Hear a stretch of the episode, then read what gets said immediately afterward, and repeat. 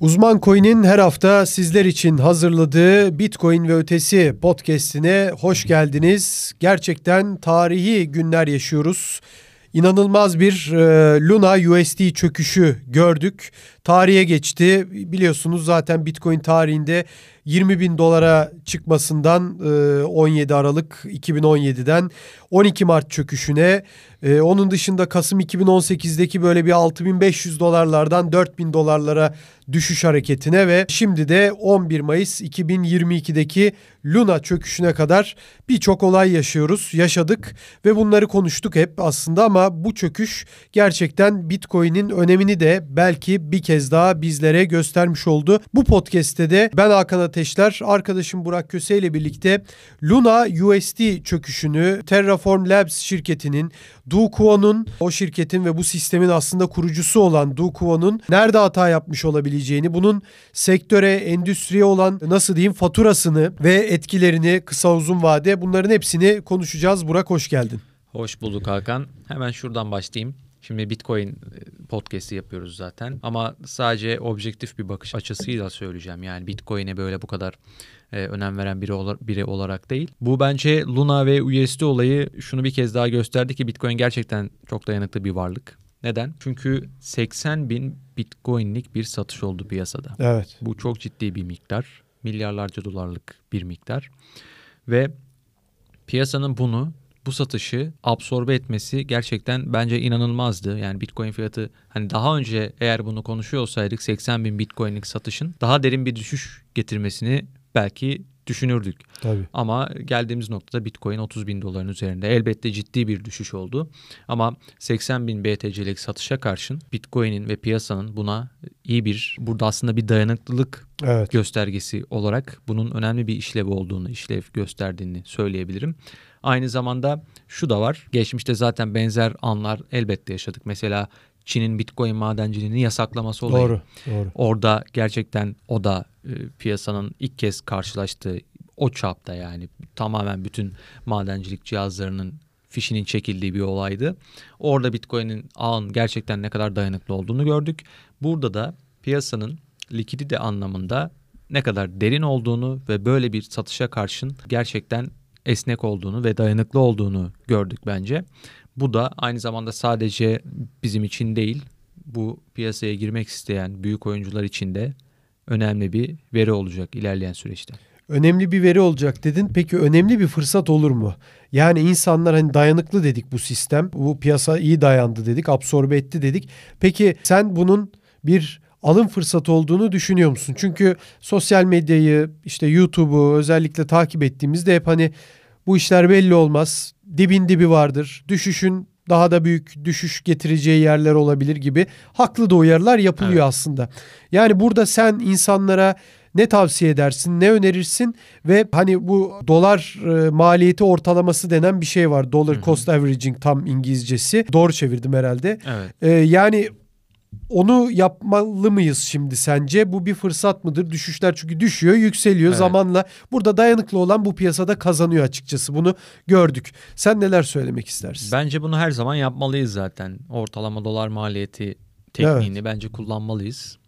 Ee, ancak o zaman zaten uzun vadede baktığımız zaman önemli miktarda kar elde edebiliyoruz. Yani evet. kısa vadeli hareketlere aldanıp da all in bütün her şeyinizle girmek e, en riskli yöntem ve çoğunlukla da kaybettiren yöntem. Şimdi bu düşüş fırsat mıdır? Bence fırsattır. Çünkü zirveden bu yana 69 bin dolarlık zirveyi ele alırsak 30 bin dolara %50'nin üzerinde düşen bir bitcoin var Tabii. karşımızda. Bu bitcoin'in nereden sıçrama yapacağını, nereden trendin döneceğini bilmek çok zor. E, durum böyleyken 30 bin dolardan alınır. Fiyat daha da düşebilir bundan sonra elbette. Eğer tabii sizin de çok kendinizi riske etmeden oradan bir miktar daha ben alırdım eğer düş, düşüş devam ediyor olsaydı. Ama bu e, seviyeler bence alınabilecek seviyeler Bitcoin için. Tabii Bitcoin son zamanlarda küresel trendlerle çok böyle içli dışlı hareket ediyor ve onları izliyor. Baktığımızda piyasadan Fed'in bir para çekme sürecini evet. yaşıyoruz faiz artırımlarıyla birlikte ve tüm küresel piyasalarda yine hisse senetlerinde olsun önemli ciddi düşüşler görüyoruz. Ve bun, buna ek olarak zaten 80 bin BTC'lik satış geliyor. Durum böyleyken Bitcoin'in bir kez daha gerçekten tüm bu olumsuz gelişmeler üst üste gelirken ne kadar dayanıklı olduğunu gördük. Ve 30 bin dolar olabilir. İşte bunun biraz daha alt seviyeleri olabilir. Bence hala alınabilir noktalarda. Yani geçmişe baktığımızda, tarihe baktığımızda Bitcoin mesela 2017 yılında 20 bin dolar olmuştu Aralık ayında. 20 bin dolardan 3200 dolara inen bir düşüş Doğru. gördük. Baktığımızda %80, %85'e yakın bir Tabii. düşüş var o noktada. E şu anda yüzdeye vurursak ne kadarlık bir düşüş olmuş olabilir? İşte yüzde 50'den fazla. %50'den Tabii. fazla aynen. Yüzde 60'a yakın bir düşüş var aslında. Yani e, o nedenle artık ayı piyasası dediğimiz bu düşüşler anlamında yani çok da gidecek bir yer yok artık bence. Yani buradan e, elbette bir 20 e, bin dolar seviyelerine doğru aşağı çekilme olabilir. Yani o noktadan sonra yani çok da yolumuz kalmadı aslında. Ya yani aslında o kadar şunu söyleyebiliriz. Biz düşüşlerin en büyük, en kötü tarafını geride bıraktık. Evet. Bundan sonra e, çok da bu düşüşün dediğim gibi dediğim noktalara kadar sürebileceğini düşünüyorum. Kişisel fikrim. Ama çok da artık devam etmeyebileceği görüşündeyim baktığımızda. Ya burada herhalde şimdi sen hani bir rakam da verdin ama rakamlara da çok takılmamak lazım herhalde değil mi? Yani senin biraz önce söylediğin gibi bunu e, belirli bir disiplin içerisinde herkes kendi gücüne göre belirli bir yerden almaya çalışırsa zaten hani sen biraz önce çok zor dedin. Ben imkansız diyorum. Yani ne top noktayı ne dip noktayı herhalde bulmamız imkansız. Bunu bulan zaten şansa bulmuştur. E bunu her zaman yani herkes böyle diyor ya şimdi mesela 30 bine düştük işte 20 bin yolda. Evet. 25 bine 24 bine de zaten bu düşüşte 24 bin 200 de gördük zannediyorum. İşte hemen 9 bin yani sürekli bir düştükçe daha da düşüğü düşünülmeye başlıyor. Yani onu ararsanız bulamazsınız. Çünkü biraz daha bekleyeyim. E biraz daha bekleyeyim. E en sonunda diyorsun ki e biraz daha bekleyeyim o zaman bu kadar düştüyse diye diye zaten o dibi bulamıyorsunuz veya satmak için de aynısı geçerli olabilir. Dolayısıyla belirli bir disiplin çerçevesinde bunu yapmak doğrudur diye düşünüyorum. Sen biraz yarım şekilde cevabını verdin ama ben bu soruyu yine de sorayım çünkü çok konuşuluyor. Tarihe bakmaktan bahsettin. Herkes zaten bunu sosyal medyada da çok görüyoruz. Tarihi, grafikler, bir sürü konular. Herkesin yorumuna da tabii saygı duyuyoruz ama şunu soracağım sana. 3 senelik bir ayı piyasasından çıkıp biz 2021 boğa sezonuna girdik ve çok sert bir ayı piyasasıydı. Açıkçası ben öyle bir ayı piyasası yaşadıktan sonra ilk birkaç yükselişte elimdeki bazı birkaç altcoin'i satmıştım hemen. Yani bu ayı piyasasında fırsattır diye ama meğerse boğa sezonunun başıymış. Yani biz bu sektörde çalışmamıza rağmen en azından ben şahsen bazı şeyleri hiç öngöremedim. Birçok insan da görememiş. Ben hatırlıyorum 2021'in başında Ocak Şubat'ta herkes hala boğa sezonunda mıyız değil miyiz? sizin tartışmasını yapıyordu. Şunu sormak istiyorum. Bir daha bir 3 senelik ayı sezonuna veya 2 senelik aslında zamanı çok önemli değil ama uzun dönemli bir ayı sezonuna girmiş de olabilir miyiz acaba? Yoksa o günler artık geride kaldı. Hani piyasa çünkü neden bunu sordum? Bir sorunun içinde soru daha sorayım. Biz yazları da senin bahsettiğin o Çin yasaklarından sonra da biz 29 bine düştük. Ve sert ayrıca kötü düşüşlerdi. Orada da mesela birçok kişi ayı sezonundayız demişti. Evet. Sonra 69 bine gittik. Yani böyle bir orada da hatta 69 binde de ama işte çok durmadı hemen düştü gibi. Yani bir yorumcularda da bir kararsızlık var. Piyasa çok ilginç hareketler yapıyor bir kararsızlık, bir dengesizlik var gibi geliyor bana. Sen ne düşünüyorsun bu anlamda? Yani 1.69 yapıyoruz, 29'a düşüyoruz. 64 yaptık bir daha düş. Yani bu nereye kadar gider ve bu nasıl bir piyasa? Ayı mı denir, yani, boğa mı denir? Bence şöyle bir şey var. Hani hep şunu, şunu söylerler ya işte Bitcoin artık daha böyle olgunlaştı. Artık evet. eskisi gibi derin düşüşler olmayacak. Eskisi gibi e, iniş çıkışlar bu kadar şiddetli olmayacak dediler bu zamana kadar. Ve baktığımızda işte 69 bine kadar yükselen bir bitcoin fiyatı vardı. O noktada zaten piyasa değeri de artık 3 trilyon dolar olmuştu yanılmıyorsam. Tabii 2.9 oldu. Aynen 2.9 oldu. Yani ciddi bir artık önemli bir varlık sınıfı haline gelmişti kripto paralar. Baktığımızda altının piyasa değeri o noktada 9 trilyon dolardı. Evet. Bu da 3 trilyon dolar aslında toplam kripto paralar için söylüyorum. Ama yine aynı hareketleri gördük. Yine sert düşüşleri gördük. Değişen bir şey olmadı. Ben bundan sonra değişen çok bir şey olacağını sanmıyorum açıkçası. Çünkü artık e, yani dünya da artık tam bir her anlamda olsun. Hem finansal piyasalar hem e, diğer siyasal, ekonomik, sosyal yaşantı orada da ciddi iniş çıkışlar var. Yani Ve belirsizlik var. Belirsizlik var.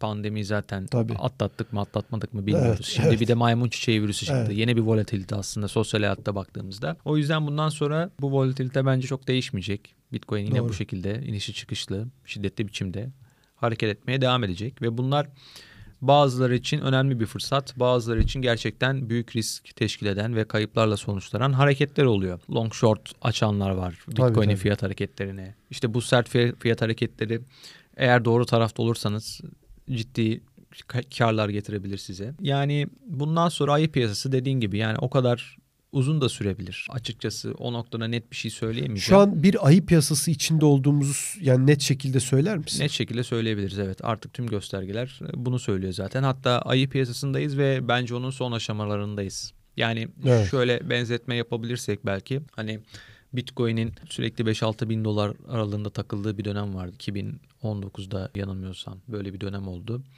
Ondan sonra e, sert bir düşüş geldi mesela. 3000 2018 Kasım olabilir. Kasım, Kasım pardon doğru. Programın başından söylemiştim. Direkt böyle hani Aynen. önemli günleri şey yaparken o Kasım düşüşü de önemliydi. Evet, 4000'e düşmüştü galiba. Evet 4500. 3800 dolara Olabilir. kadar inmişti bazı borsalarda. E, o son hareketti işte.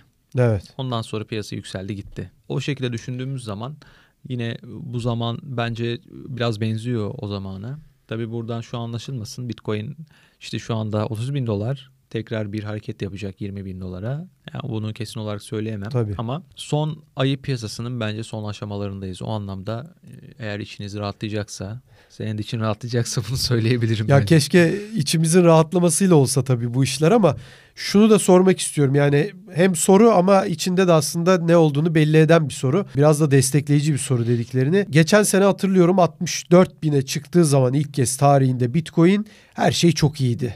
Yani hiçbir kötü haber yoktu. Koronavirüste sonraki dönemde biraz daha devam etmesine rağmen ikinci dalga gelmesine rağmen sona gelmiştik. Coinbase Nasdaq'ta listelenmişti. Rekor Evet. üstüne rekor kırıyordu. Herkes Dogecoin'i, Bitcoin'i konuşuyordu. Yani hepimiz çok güzel günler yani huzur içinde günler yaşıyorduk açıkçası öyle söyleyeyim. O zaman ben bazı programlarda hep şunu diyordum. Yani bu ekonomistler, finans uzmanları hep konuşurken yani piyasa şişti ve her yükseliş sonsuza kadar gitmez diyorlardı. Ben hatta seninle de konuşurken hatırlarsın. Düşsün de kötü bir haber yok ki hiçbir şey yok diyorduk. Yani bir şey yok etrafta diyorduk. Ama şişme vardı ve Elon Musk'ın bir gece yarısı tweetiyle şoke olduk ve o tweetten sonra Çin yasakları derken gerçekten bir düşüş geldi. Beklenmedik bir anda geldi. Şunu sormak istiyorum. Düşüş de o zaman sonsuza kadar gitmeyecek herhalde değil mi? Yani ben düştüğünde bazen artık biz bu piyasada bilmiyorum tecrübelendik mi, alıştık mı, ikisi mi hiç bilmiyorum ama bazen düştüğünde düşsün, daha da düşsün, bir, bir nefes alsın. Yani sonsuza kadar yükselmeyecek ya. Düşsün peki alırız biraz daha param olduğu kadar. Yani ben bunu hep bizim programlarımızda söylemeye çalışıyorum. Bazen az, bazen elimdeki kadar çok almaya çalışıyorum. Ama düştüğünde de o düşüş sonsuza kadar gitmeyecektir muhtemelen. Bir yükseliş de bir yerde gelecek ve o gün oluşacak şartlar da onun sebebi olacak. Evet. Yani hep sebep sonradan geliyor gibi geliyor bana. Yani aslında orada o düşüşün sebebi Elon Musk'ın tweet'i değil de yani düşüş geliyordu. Elon Musk da tweet attı gibi görmeye başladım ben olayları. Bilmiyorum sektörün içindeyim diye mi bana artık ben değişik açıdan bakıyorum. Sen neler söylersin bu konuda? Yani şunu söyleyebilirim. Bence bu günlerdeki düşüşlerden özellikle etkilenenler, üzülenler için şunu söyleyebilirim. Ve hatta satış yapanlar için, Evet. Bitcoin'in satanlar için.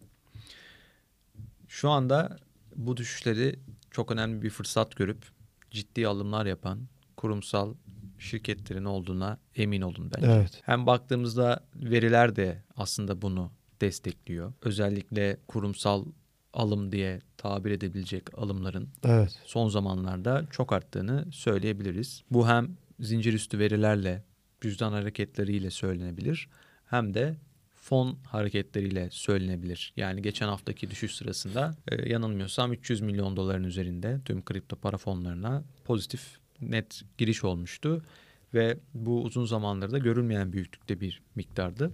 O nedenle yani bu düşüşler artık az önce de söylediğim gibi son böyle ayı piyasasının son aşamalarındayız. Bu arada ben bundan bahsederken senin sorunu unuttum aslında. Yo, Onu hatırlamaya çalışıyorum. Yo aslında şu yani düşüşte sonsuza kadar gitmez herhalde. Bir gün yükselecek. Onu demeye çalışıyorum. İçini biraz doldurmak istedim tarihi evet. örneklerle ama e, yani çok evet, uzatmış sonsuza, olabilirim. Son, yani sonsuza, yükseliş olmadığı gibi düşüşte evet, sonsuza, yani sonsuza kadar. kadar gitmez ama orada da şöyle bir şey var. Dinleyenlerin ve izleyenlerin akıllarında. Yani gitmez de yani 20 yıl sonra 30 yıl sonra gelecek düş, yükselişi ben ne yapayım diyebilir insanlar. Ha, tabii. Hatta tabii 10 yıl sonra bence. 10 yıl da uzun ama bir zaman. Onu tabii için. onu düşünmüyoruz. o yüzden yani bence geçmiş döngülerden farklı bir şey olmayacak. Evet. Bir süre sonra yine işte artık 200 sene mi diğer 200 sene bile yok bence yani aslında baktığımız zaman da. Çünkü hem Web3 dediğimiz alana çok ciddi yatırımlar yapılıyor. Hala yapılıyor. Ve aslında bu blockchain dediğimiz olguda en güvenli ağ Bitcoin'ken ve dünyanın her zaman giderek daha fazla Bitcoin'in parasal sistemine olan ihtiyacı giderek artarken ve enflasyon bir anda e, enflasyon gerçeği varken çok da e, uzun süreceğini sanmıyorum bu yükseliş düşüşler evet. aslında. Yani burada aslında hep Bitcoin maksimalistleri der ya hani Bitcoin'den başka bir şey almaya gerek yok diye. Yani hep bir göz ucuyla bakardım. Bir tabii ki mantık çerçevesinde bunu söylüyor. Bu arada Bitcoin maksimalistleri de hani hiçbir şey almayın sadece Bitcoin alın da demiyorlar. Diğerleri Bitcoin'le eşit değil kardeşim diyor ama istersen sen git yani, yatırım evet, yap yani A coin'i al, X coin'i al. O konuda hep yanlış bir al- evet. an- anlayış var. E, yanlış algılanıyorlar. Aslında onların da tamamının dediği şey şu Bitcoin'i yeter ki e, iyi anlayın. Tabii. Yani gerisi Doğru. aldın veya almadın veya işte shitcoin Tabii. aldın çok önemli değil ama Bitcoin'in diğerlerinden farklı olduğunu ve işleyişini neler vaat ettiğini iyi anlayın. Bu aslında evet. tüm üstedikleri bu aslında baktığımızda. Son olarak o zaman sana Terra USD olayını da sorayım. Yani biz evet. zaten e, uzman coin'i de yani bu podcast'i dinleyenlerin de büyük bölümünün sitemize de girdiklerini düşünüyorum. Birçok haberimizi e, Telegram grubumuzdan olsun, Twitter'dan olsun işte son olarak kısa süre önce başlattığımız mail grubu hizmetimiz olsun. Yani oradan zaten her hafta e, her pazar biz gönderiyoruz. E, dolayısıyla her yerden siteden de web sitesinden de takip edebilirsiniz. Bu, bu haberleri de takip ettiğiniz için hani en azından burada detaylıca Terra USD nedir ne değildir ne oldu işte dolar e, şeyi bozuldu dolara olan dengesi bozuldu diye uzatmak da istemiyorum. Bilen biliyordur zaten muhtemelen ama bu kadar büyük şirketler yatırım yaptılar. Evet. Bazıları açıkladı evet biz de kaybettik dedi. Mesela Trier of Capital kurucularından hı hı. işte Suzu vardı. O mesela dedi kaybettik dedi. Başka bir iki tane daha şirket vardı. Şimdi o zaman aslında herkes bir haber olabiliyor birçok olaydan. Yani evet. hep diyoruz ya kurumsallar izin vermez. Büyük şirketler izin vermez. Düşüşe de izin vermez veya yükselişe de işte burada izin vermez. Ama o bahsettiğimiz o büyük şirketlerde yani Luna gibi bir durumdan çok ciddi milyarlarca dolar veya yüz milyonlarca dolar herkese göre kaybettiler paraları. Yani o zaman onlar bile bu tür tuzaklara düşebiliyorlarsa hem Bitcoin'in... Bireysel yatırımcı ne yapsın? Evet yani? bireysel yatırımcı ne yapsın? Şimdi baktığın zaman bir bakıyorsun işte mesela And Andresen Horowitz var değil mi? Birçok şirkete yatırım evet. yapıyor. Şimdi onlara haberlerini biz de yapıyoruz. Yaptıkça insanlar bunları okuyor. E, okudukça şimdi düşünmeyecek mi o demek ki iyi proje şimdi. Yani Amerikalı San Francisco'lu şirket bilmem kaç milyar dolarlık şirket buna yatırım yaptıysa adam bir şey biliyordur denir. Mesela budur. Şimdi... Yani Evet. Onlar bile buna yakalandıysa hem Bitcoin anlamında olumlu işte buyurun Bitcoin'in önemini tekrar anlamış oldunuz demek evet. geliyor. Bunu biz de öğrendik yaşayarak öğrendik yani konuşuyorduk seninle biliyorduk doğru evet ama yaşayarak görünce bir daha böyle bir vay be diyorsun yani. Onu Bitcoin'in değerini gerçekten anladığımız günlerdi. Terra Luna'nın çöküşünde. Peki küçük yatırımcı o zaman ne yapacak? Bence şimdi o kurumsal yatırımcıların yaptığı bir şey var. Tamam Luna'da bir pozisyonları var ve oradan ciddi miktarda para kaybettiler. Ama aynı şirketlerin belki 20'den fazla projede evet. yatırımları var.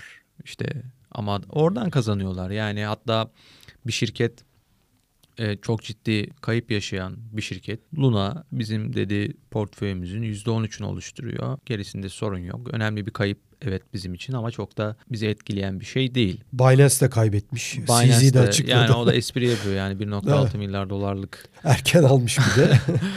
evet. Yani Hiç kıpırdatmadık diyor. Burada, Hepsi duruyordu diyor. Battı diyor. Bireysel yatırımcıların anlamaları gereken bir ders var. Portföy çeşitlendirme. Sadece bir projeye bel evet. bağlamama Bitcoin'i tamamen ayrı tutarak söylüyorum. Eğer altcoin'lerde biraz risk alacak olan insanlar için burada tamamen işte e, bir paranız varsa yatırım yapacak. Bunu 9-10 projeye bölmek bence Yaymak. o riski azaltmak anlamında Onun büyük bölümü olacak. de sen hep söylersin ama e, bir daha sorayım yani o 9-10 e, işte altcoin'e yani. Efendim? Elbette büyük bölümü Bitcoin diyeceksin. Evet evet tabii tabii yani onu da büyük bölümü ne, nedir onun bir yüzdesi var mı sende? Ya o yüzdesi artık kişinin kendi risk algısına göre evet. değişen bir şey. Çünkü hep şu söyleniyor ya bunu boğa sezonunda sen de çok konuştuk. Hı hı. E, ikimizin de arkadaşları var bunları hep soruyorlar bize. Bu konuşmalar hep geçiyor. Bu aralar geçmiyor mesela düşüş evet. oldu. Kimse yüzümüze Kesildi bakmıyor. WhatsApp sohbetleri. Evet WhatsApp konuşmalar biz de biraz nefes alıyoruz. Ya işin şakası bir yana gerçekten arkadaş olduğu zaman bunalıyorsun. Çünkü arkadaşına git bana bir daha mesaj atma diyemiyorsun. Kıramıyorsun veya çok samimiysen e, yeri geliyor yani kalbini de kıracak şeyler söylüyorsun ama arkadaşsın yani o bir daha sana evet, ya, o mesajı atıyor. Çok çok ilginç bir dönemdi. İnanılmaz evet. bir dönem geçirdik bence. Evet. Yani hadi şeyi artık insanlar top yüzü beğenmemeye başladılar. Evet, Oradan evet. bir proje seçeyim de yatırım yapayım. Ha ya onu diyordum ya altcoin sonra bitcoin ya, al biraz öyle, deyince. Öyle noktaya geldiler ki işte Doge Elon Mars'lar evet, evet. işte başka aklıma gelmeyen hamsterlar bir sürü falan, hamsterlar dediğin sapan. gibi yani bunların ciddi kitleleri oluşmaya başlamıştı. İşte yani hep bunlar işaret yani o evet. noktalar artık piyasanın zirve noktası oluyor. Orada çıkış yapmak gerekiyor. Tabii. Yani onu da içerisindeyken buna karar vermek elbette kolay değil. Ama hep böyle geçmiş hatırlayarak, bugünleri hatırlayarak Doğru. E, o günü değerlendirmek e, bence daha sağlıklı olur yatırım kararları açısından. Doğru yani zaten her proje de Terra Luna diye e, Luna gibi çıkacak diye bir kaide yok ama dediğimiz gibi burada sepet yapmak her zaman çok daha garantidir. Bu sepeti de yani Bitcoin'de biraz daha fazla tutmak e, çok önemli. Bitcoin aynı zamanda bu tür durumlarda da size bir bence Hani şimdi UST de bir sabit coin olduğu için diğer sabit coinlerle de ilgili mesela tartışmalar çıktı. USDT bir 0.96'nın altına kadar düştü. Mesela onlar e, en azından paralarını ödediler kendilerinden e, dolar talep edenlerin ve evet. düşmediler. Yani onlar mesela dayanıklı çıktılar ve bunun bir krize dönüşmesini engellediler. E, Tether'den açıklama geldi. Onların işte biz de röportaj yaptık e, son olarak takipçilerimiz biliyordur. Paulo Ardoino var. Onların finans yöneticisi. Onlar açıklama yaptılar. Mesela o da çok önemli. Yani adamlar insanların o e, korkusunu almayı başardılar. Ama Tabii ki siz yine çekiniyorsanız ki korkmak bu anlamda bence çok insani bir şey. Tabii ki para kazanıyoruz, hepimiz kazanıyoruz ve o paranın tek kuruşuna bile zarar gelmesini istemeyiz. Dolayısıyla ne yapacaksın? E, kaçınmaya çalışacaksın. Burada en sağlamı bu bit, e, kripto paralarda Bitcoin. Evet. Dolayısıyla Bitcoin sen yani hep topladığın zaman Bitcoin paritesinde de sen diğer altcoin'leri alabiliyorsun. Ya Bitcoin paritesi de düşüyor zaten altcoin'in veya genel piyasa düşüşü olduğu zaman. Yani illa gidip dolarla almak zorunda, fiyat parayla almak zorunda değilsin. Yani Bitcoin hatta hatırlarsın 2016-2017 döneminde daha çok bu işler Bitcoin ile yapılıyordu. Bitcoin paritesi çok fazla ön plana çıkıyordu. USDT sonradan çok büyük e, bir varlık haline geldi kripto kripto piyasası içinde. Yani şunu demek istiyorum. Bitcoin her zaman yani düşüşte de size bir para görevi görüyor her zaman Bitcoin ile doğal işi yapıp Bitcoin ile sadece al sat yapabilirsiniz altcoin'leri. Bu da mevcut. Tabii bu sizin e, tamamen risk yönetiminize herhalde değil mi? İnsanların risk yönetimine kalmış bir şey. Dolayısıyla burada hani Bitcoin orada bile size yani çok al sat yapmayı seviyorsanız da Bitcoin yine sizi bu anlamda koruyor diyelim. Yani bir daha yaşamamak dileğiyle böyle bir olayı. Tabii yapacak bir şey yok. Yani Du Kwon'a davalar açılıyor, savcılar evet. gidiyor ama size bir fikrin var mı o konuyla ilgili ama olan oldu sanki artık. Yani olan oldu gibi ya artık burada piyasanın bir şeyler yapması lazım. Ee, Du Kwon ona karşı artık şimdi Terra'yı forklama süreci var. Onu çatallayacaklar. Lunanlara. Döner mi geri bu proje sence? Bunlar işe yarar mı? Yani yaramayabilir. Çünkü geçmişte çok emin değilim o konudan. Yani insanlar şu anda gerçekten Luna airdrop almak için Luna alan bir sürü insan biliyorum ben. Evet. Ee, yine bir fırsat. Evet. Bu sefer olur mu gibi hareket ediyorlar.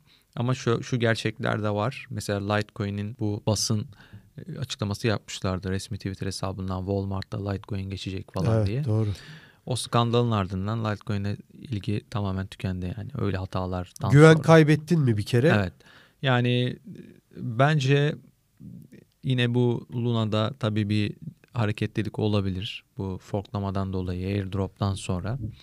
Ama bunun artık devam edeceğini düşünmüyorum bir noktada oradaki ilgi tamamen tükenecek. Çünkü kurumsal o Luna'nın büyük yatırımcıları vardı. Yani on çok ciddi para kaybettiler. Onlar artık çekimser yaklaşacaklar Tabii. bu olaya. Tabii. Luna'nın çok da bir sermayesi olmayacak. O yüzden Luna'nın yavaş yavaş öyle gözüküyor. Ölüme doğru gidecek. Ölüm Tabii. sarmalı.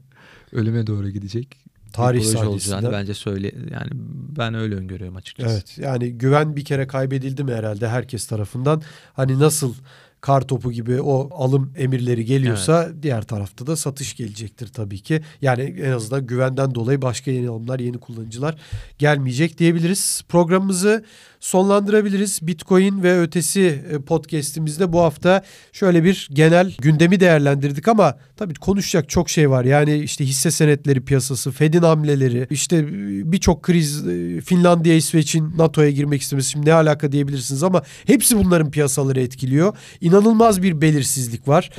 Apple'lar, Amazon'lar, Tesla'lar düştükçe düşüyor. Elon Musk Twitter'ı alacaktı. Son anda vazgeçer gibi oldu şimdi. İşte bot hesaplardan dolayı onların yüzdesi az mı fazla mı ne kadar hala bilmiyoruz. Yani e, böyle bir karmaşa halinde giden bir piyasamız var. Şu anda bunların hepsi tabii ki bu gelişmelerin kripto paraları da e, yakından e, etkiliyor. Dolayısıyla bunların hepsini tabii ki bu podcast'e sığdırmamız mümkün değil ama biz hem YouTube kanalımızda yayınlarımızla hem podcastlerimizle hem canlı yayınlarımızla konuklarımızla özel röportajlarımızla uzman koyun olarak sizlerle birlikte olmaya ve bütün bu haberleri uzmancoin.com sitemizden sizlere aktarmaya devam edeceğiz. Gelecek hafta görüşmek dileğiyle herkese iyi haftalar diliyoruz.